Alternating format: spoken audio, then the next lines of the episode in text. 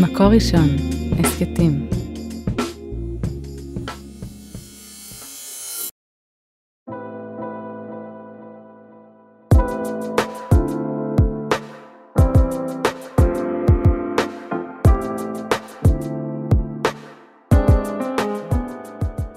שלום לכולם, כאן שירת מלאך בפרק חדש בפודקאסט עד האהבה.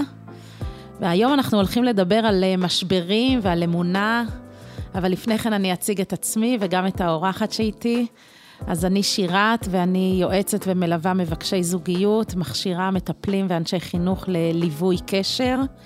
ויושבת איתי פה שיראל יהודה, שלום שיראל. שלום, מה נשמע? בסדר, שיראל היא יועצת חינוכית, ואנחנו ככה הולכים לדבר על העולם האישי של שיראל, שעברה מסע ארוך שהפגיש אותה עם משברים ואמונה. בואי תספרי לנו על עצמך, שיראל. אוקיי, okay, אז אני שיראל, אני בת 35, אני יועצת חינוכית, אימא לילדה בת שלוש וגרושה גם. אה, וזהו, ועד גיל 31 הייתי במסע של רווקות בעצם, אה, ובגיל 31 התחתנתי. מסע ו... ארוך. כן, של... מכובד, כן. כמעט עשר שנים. כן, 11 mm-hmm. שנה של אה, דייטים. ובעצם אחרי 11 שנה של דייטים, אז uh, התחתנתי. בשמחה? בטוב? כן, ב... כן, בשמחה, בטוב. Uh, מאוד, uh, אני חושבת שהיה הרבה אושר סביב החתונה הזאת, כאילו, כי היא באמת uh, הייתה אחרי תהליך ארוך ומפרך. ואחרי שנה התגרשתי בעצם, בגיל 32, שאני כבר עם ילדה קטנה וגרושה, ונכנסתי למסע של... כל המסע של הגירושין וה... ולהיות חד-הורית. וואו, אז... את אומרת את זה כאילו החלום ושברו. זה ממש החלום ושברו. אמ, אני חושבת שהיה הרבה תפילות סביב החתונה שלי, הרבה ציפיות, הרבה תפילות. אנשים פשוט היו מאושרים, אנשים הקליטו לי הודעות אה, בוכים אה, אה, ביום שהודעתי להם שהתארסתי. אה, ופשוט היה לי אפילו פדיחה לספר שהתגרשתי, כאילו מרוב שאנשים ציפו והתפללו והרגישו שהתפילות שלהם נענו, לא היה לי נעים להגיד ש... שזה לא עבד. שזה לא עבד. ועל זה אנחנו הולכות לדבר, על המשבר ועל הכוחות ועל הדרך להתמודד עם משבר כל כך אה, עמוק, וכמו שאת אומרת, גם משבר במציאות. אני אימא, אני חד-הורית, אני גרושה, אני שוב מחפשת. וגם משבר בתדר האמוני.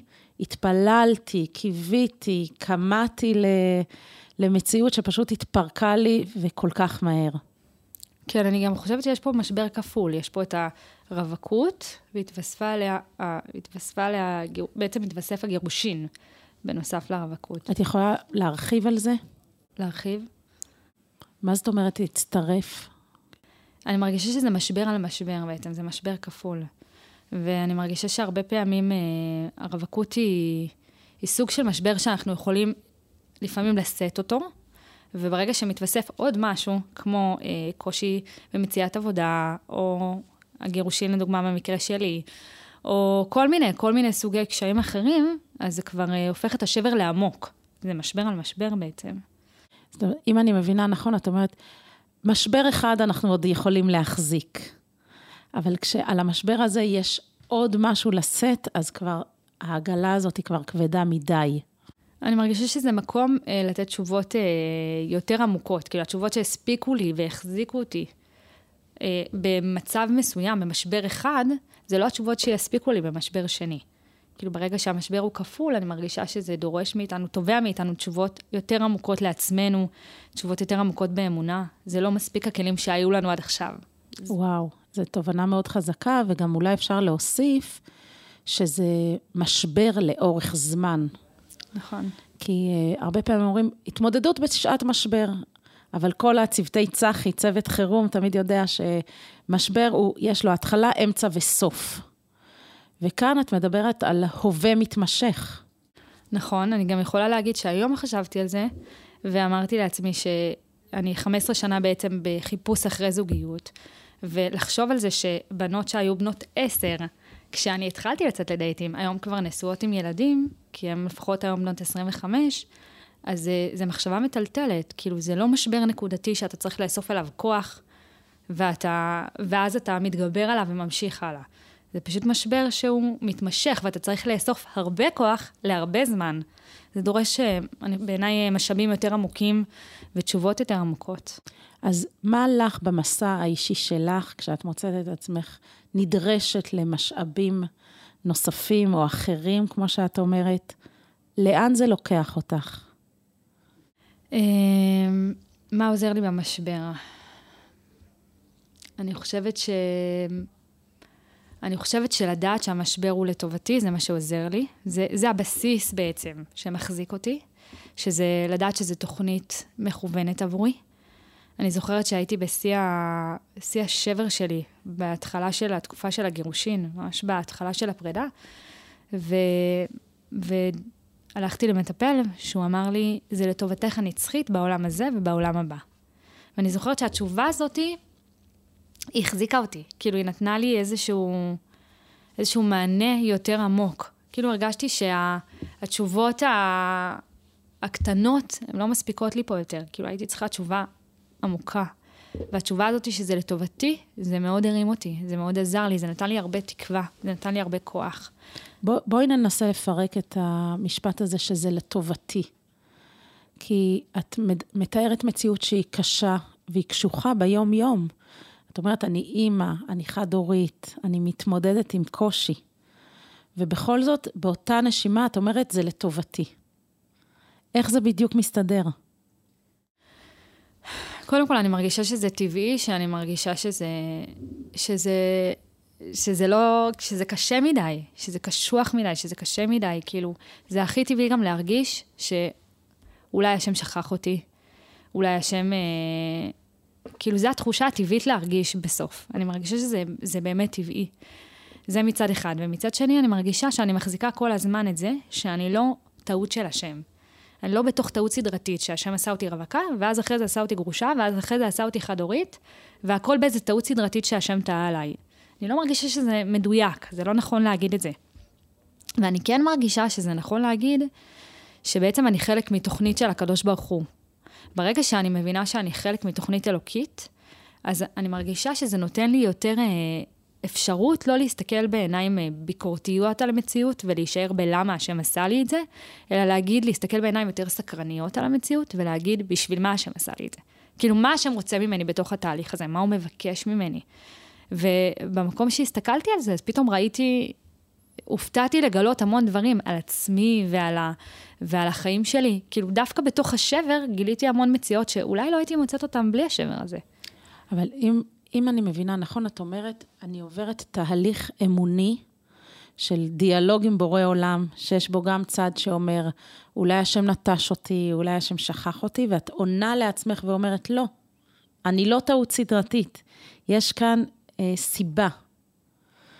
הקול הפנימי הזה, הרוחני הזה, הוא גם היה לפני הגירושין? זה משהו שאת פגשת גם לפני כן, או שזה איזו מבט חדש שהיום את גילית אותו? אני לא מרגישה שזה מבט חדש. אני מרגישה שגם גם בשביל לצאת 11 שנה לדייטים צריך איזושהי רמת אמונה. כאילו, בסוף אתה צריך להחזיק את הדבר הזה. כאילו, אתה... מה מחזיק אותך? מה מחזיק אותך כל פעם לקום ולצאת מחדש ולהיפגש מחדש ולחשוב, אולי הפעם זה באמת יהיה הדבר ה... יהיה זה. כאילו, מה נותן לי את הכוח כל פעם לעשות את הדבר הזה? אה, אז זה דורש איזושהי רמת אמונה, אז אני לא מרגישה שזה נולד כשהתגרשתי. אני כן יכולה להגיד שזה התברר. זה גם התברר וגם העמיק. כי בסוף, כש, כשאמרתי, אוקיי, השם, אה, השם גר, אה, יצר מציאות שאני אהיה רווקה, ואז בעצם התחתנתי, זה הספיקו, התשובות הספיקו לי, הכלים, זה הספיק לי הכלים. ברגע שהתגרשתי, אני מרגישה שהכלים לא הספיקו יותר, הכלים נשברו. כאילו, כל המגדל שבניתי, שהשם עשה אותי רווקה 11 שנה כדי לחתן אותי, פשוט התמוטט. והיה צריך לבנות אותו מחדש, יותר להעמיק אותו. וזה דרש ממני תשובות יותר עמוקות, ואני מרגישה שהתבררתי שם באופן יותר עמוק, במובן האמוני. אז אם אני מבינה נכון, את אומרת, העוצמה האמונית מחזיקה אותי, וזאת לא בריחה, אלא זאת בחירה? לגמרי אני מרגישה שזו בחירה.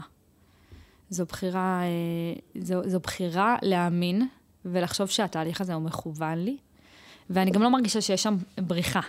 כאילו, א', אה, אני מרגישה שעדיין כואב לי, זה, זה, זה, הכאב הזה, זה בעצם, זה, זה שאני עכשיו אחשוב במבט אמוני, אסתכל במבט אמוני על המציאות שלי, זה לא מוריד מעוצמות הכאב.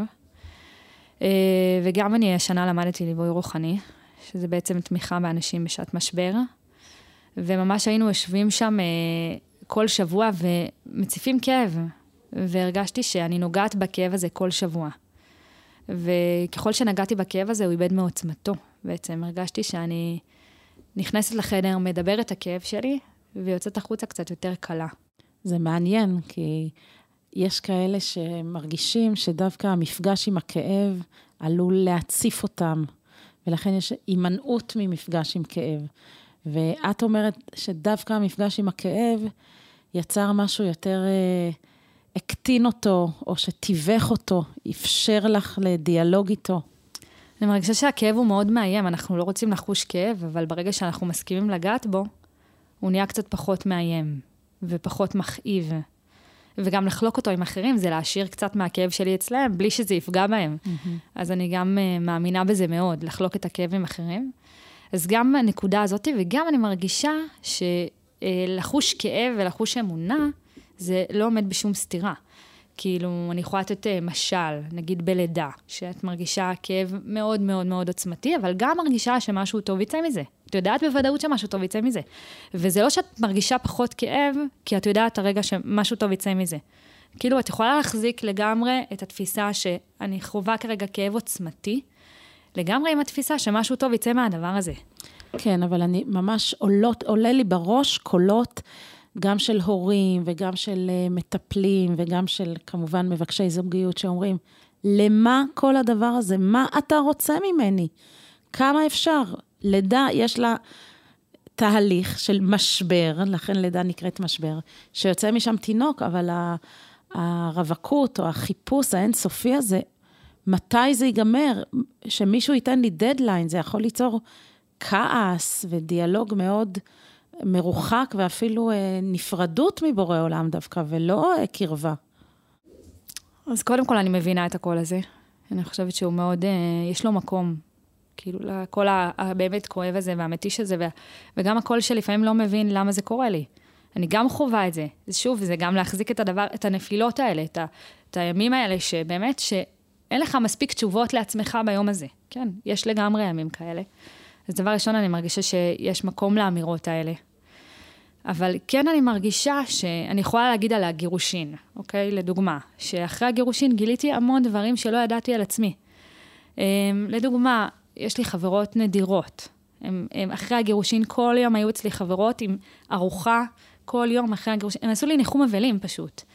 הם, לא ידעתי שיש לי חברות כאלה טובות, כאלה תומכות, כאלה שיצאו מעצמם ויבואו עד אליי. לא ידעתי שיש לי משפחה כזאת תומכת, כאילו זה התגלה ממש אה, בעוצמות, הדבר הזה. בעוצמות שלא הרגשתי לפני, גם כרווקה לא הרגשתי את העוצמות האדירות האלה, של כמה סובבים כמה הסובבים שלי אכפת להם והם עוטפים אותי.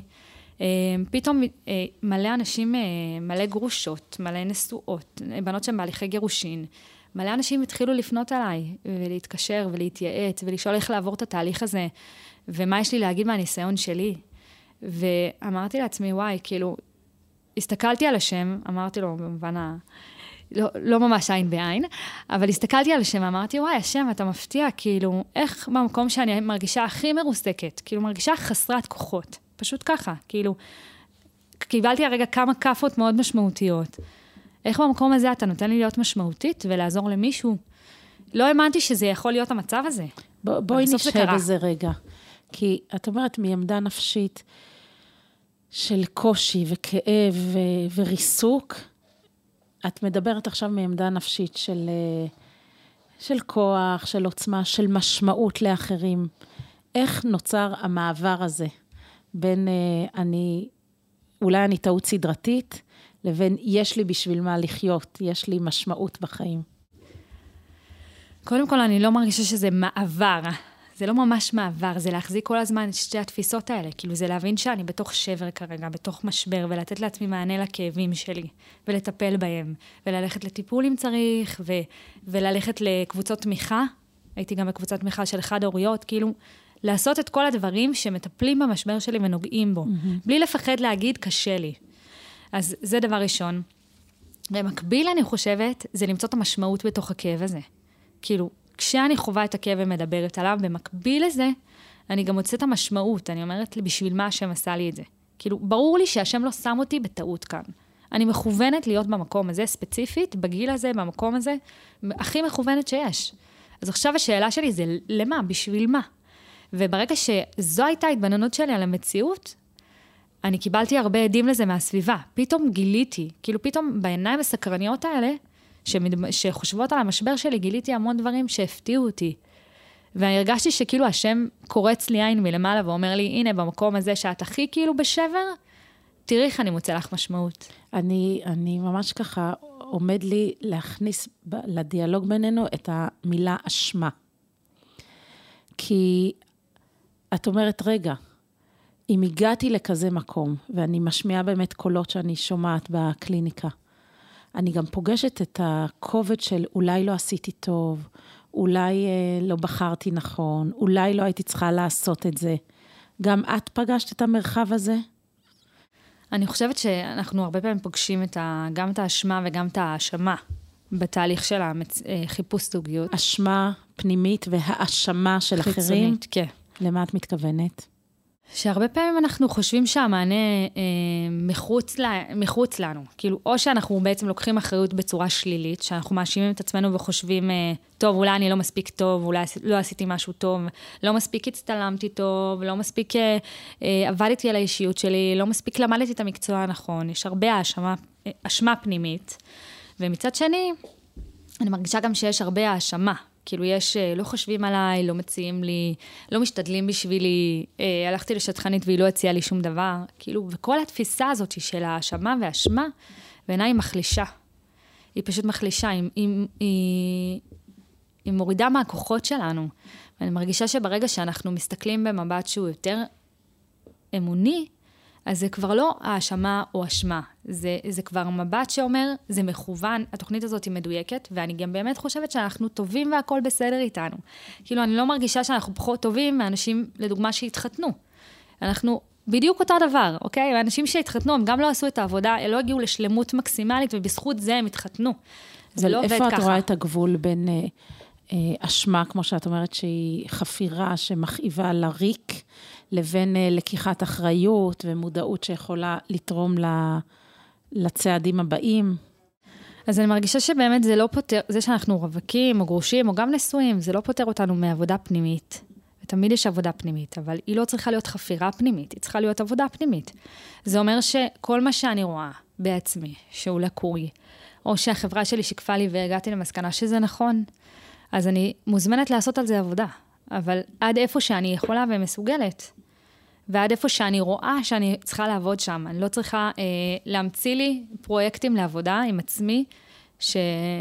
שהם גדולים עליי, או שהם עושים לי תסכול, או שהם אה, גורמים לי לייסורים, זה פשוט לא הכוונה. אני מרגישה שצריך לעשות עבודה במידה.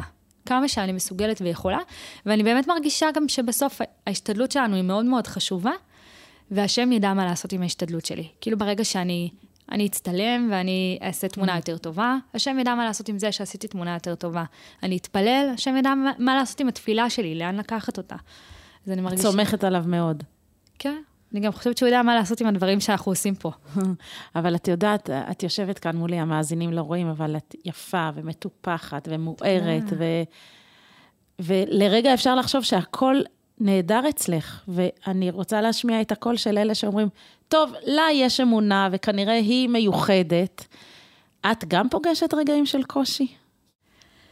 קודם כל, אני רוצה להגיד שהכל נהדר אצלי, דבר ראשון. כן, אני מרגישה שבאמת טוב לי, טוב לי בחיים שלי, אבל אני מרגישה שזה הרבה בחירה. כי, וגם זה לא אומר שאין לי רגעים של קושי, ממש רגעים משמעותיים של קושי. בואי, תני לי דוגמה לאיזה okay. נקודה אוקיי. של קושי שהתמודדת איתה. טוב, אז uh, אני יכולה להגיד שלפני איזה שנה נסעתי עם הבת שלי בכביש, ופשוט נתקעתי עם הרכב. והלכתי שם איזה חלק, ופשוט היינו בחמסין, בחוץ, בלי מזגן ברכב, על כביש ראשי, ופשוט הרגשתי שאני חייבת עזרה חיצונית. והמקום הזה, הפתאום להיתקע באמצע החיים ולהרגיש שאני לא יכולה לחלץ אותם מפה, כאילו, אני פה עם ילדה קטנה, לא יכולה לחלץ אותם ולא יכולה לחלץ את עצמי, ואני זקוקה לעזרה חיצונית, זה מאוד הזכיר לי את, ה, את הבדידות שלי. זה מאוד הציף את זה והזכיר לי את זה. אה, וזה היה רגע קשה. ואני מרגישה שאני יכולה לספר עוד סיפור. הסיפור הזה שנסעתי בכביש, ו... ועצר אותי שוטר, והוא רצה לתת לי דוח. כמו לכולנו. כן, קרה לכל אחד, אז גם לי זה קרה. אה, האמת שזו פעם ראשונה שעצר אותי שוטר. וואלה. כן. והוא רצה לתת לי דוח, ואז הוא פשוט אה, לקח את התעודת זהות שלי, הסתכל עליה וחזר אליי. ואז הוא אמר לי, בדקתי את התעודת זהות שלך, וגיליתי שאת חד-הורית, והחלטתי לא לתת לך דוח, כי את חד-הורית. והאמת שתודה רבה שהוא לא נתן לי דוח, אבל uh, זה מאוד שבר אותי שהוא אמר לי את זה. כאילו שמה? פתאום הוא הזכיר לי שאני ראויה לרחמים. ו... ומהרגע שהוא אמר לי את זה, התחלתי לבכות כל הדרך הביתה. זה היה לי מאוד קשה לשמוע את זה. השיקוף הזה של, וואי, מרחמים הזה. עליי. כן. השיקוף של מרחמים עליי, והשיקוף של את uh, ראויה לרחמים. אז את אומרת, גם ביום-יום שלך יש ככה אה, נדנדה או מטוטלת, לפעמים ב... את במקום יותר חזק, לפעמים במקום יותר אה, ח... חלש. כן, אבל אני מרגישה שזה, שזה שולח אותנו למסע יותר עמוק, כאילו בסוף, הסיפור של המשברים, במיוחד משבר כפול, שולח אותנו למסע יותר עמוק, לתשובות יותר פנימיות, יותר עמוקות, יותר אמיתיות. ו, ובסוף, כשיש לך גם תשובות יותר אמיתיות, עמוקות, אז בסוף את גם יכולה לעזור ליותר אנשים. כאילו, במקום שאני גיליתי זה שאני יכולה לעזור ליותר אנשים, דווקא מהמקום שביררתי את עצמי באופן יותר עמוק. את יודעת, אנחנו יושבות ככה אה, בסוף אוגוסט, וככה ספטמבר וחודש אלול, והחגים ברקע, וזה תקופות באמת שמעגל החיים ומעגל השנה ככה מכווץ הרבה מבקשי זוגיות, שהנה עברה עוד שנה ועוד, עוד פעם אני לבד. ומה מהחוויה שלך והניסיון שלך היית רוצה להגיד לכל מי שנמצא בתוך החוויה הזאת של, של לקראת החגים, של איך שוב פעם, של, של הכאב הזה? אז אה, קודם כל אני מרגישה שלתת מקום לקושי הזה, כאילו זה מאוד חשוב, לחלוק את זה עם מישהו, לספר את זה למישהו, לתת לזה מקום, לכאב הזה. אמ, ודבר שני, אני מרגישה שאנחנו לא רק הכאב שלנו. אנחנו לא רק, ה, לא רק הכאב שלנו, לא רק, לא, רק הרווק, לא רק רווקים, לא רק גרושים, כאילו, אנחנו הרבה מעבר לדבר הזה. כי אנחנו גם גרושים, או גם רווקים, ואנחנו לא רק. ולזכור את זה תמיד, שאני בן אדם מלא, בן אדם שלם, וחלק ממני עוד מבקש זוגיות. זה התהליך שלי, זה חלק ממני עוד עובר תהליך. אבל יש בי הרבה חלקים, אני, אני גם בת משפחה, אני גם uh, עובדת, אני עושה עוד המון דברים בחיים, אני מציירת, מנגנת, מי ש... יש לנו הרבה דברים בחיים, חוץ מה... זה מאוד מעניין, כי הרבה פעמים אני אומרת את זה דווקא להורים, שאל תסתכלו על הילדים שלכם בתור הילד הרווק. הוא הבוגר שכבר יש לו כל כך הרבה איכויות ודברים שהוא משיג בחיים. ואת אומרת כאן משהו שבואו, דבר ראשון, נתבונן ככה על עצמנו. נכון, וגם נציג את עצמנו בהתאם. Mm-hmm. אני חושבת שזה מאוד חשוב. להיות בתודעה שאני בן אדם מלא, בן אדם שלם, וחלק ממני עוד בתהליך. אה, אז זה הדבר ראשון. ודבר שני, אני מרגישה שכל הנושא של, אה, לפעמים כרווקים או כגרושים, יש לנו יותר זמן, יש לנו זמנים פנויים אה, שאנחנו יכולים להשקיע אותם בעצמנו.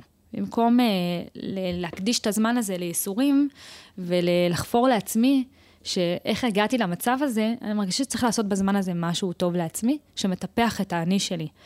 אמ, וכל אחד מה שטוב לו, כאילו, אני מרגישה שנגיד ללכת למעיין, לנגן, לשיר, אה, לעשות אמנות, אה, לפגוש חברים, כאילו, זה בדיוק הזמנים שאנחנו צריכים לתת כמה שיותר מהדברים שעושים לנו טוב לעצמנו, והייתי משקיעה את הזמן בהמון טיפוח עצמי. זה נותן תחושה טובה, וזה מזכיר לנו שאנחנו, שוב, שאנחנו בן אדם מלא. אנחנו לא רק רווקים, ורק לנקודה הזאת בעצמי אני צריכה להתייחס לעצמי. כן, אני לוקחת את זה להעלות את איכות החיים הרגשית, ואני חושבת שזו עצה שהיא מתנה לכל אחד בכל תחנה בחיים, למצוא את המרחב, לצמוח ולא להיות משועבד רק למציאות הקיימת. נכון. וגם אני חושבת שהייתי אומרת אה, תפילה. הרבה להתפלל. לי, לי אישית זה עושה ממש טוב. אה, אני קוראת לעצמי דופקת על דלתות. כאילו, אני פשוט באה להזכיר בכל מיני קברי צדיקים שאני עדיין אה, מחפשת זוגיות.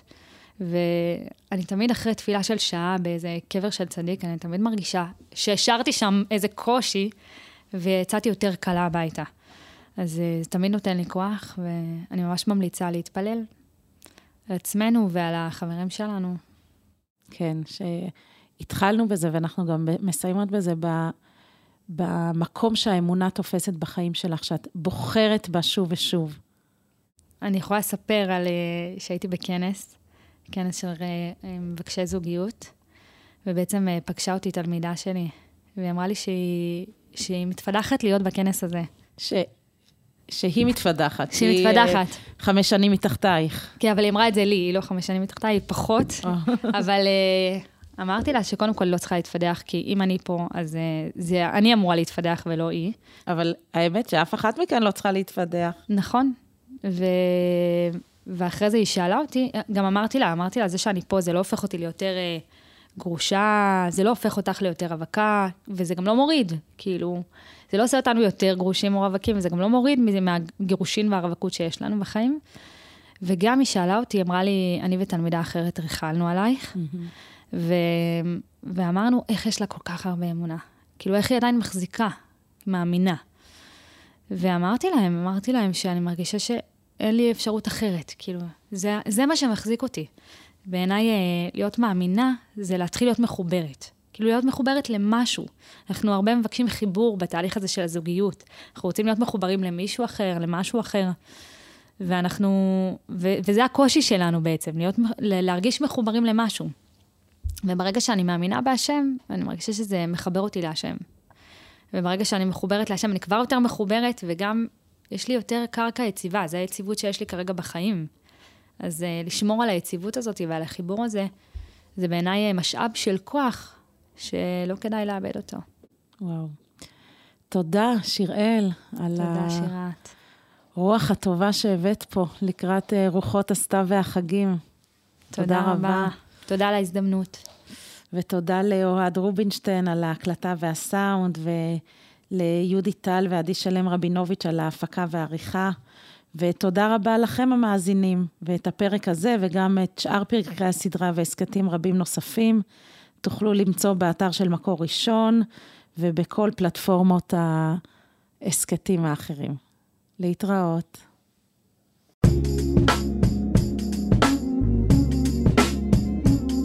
מקור ראשון, הסכתים.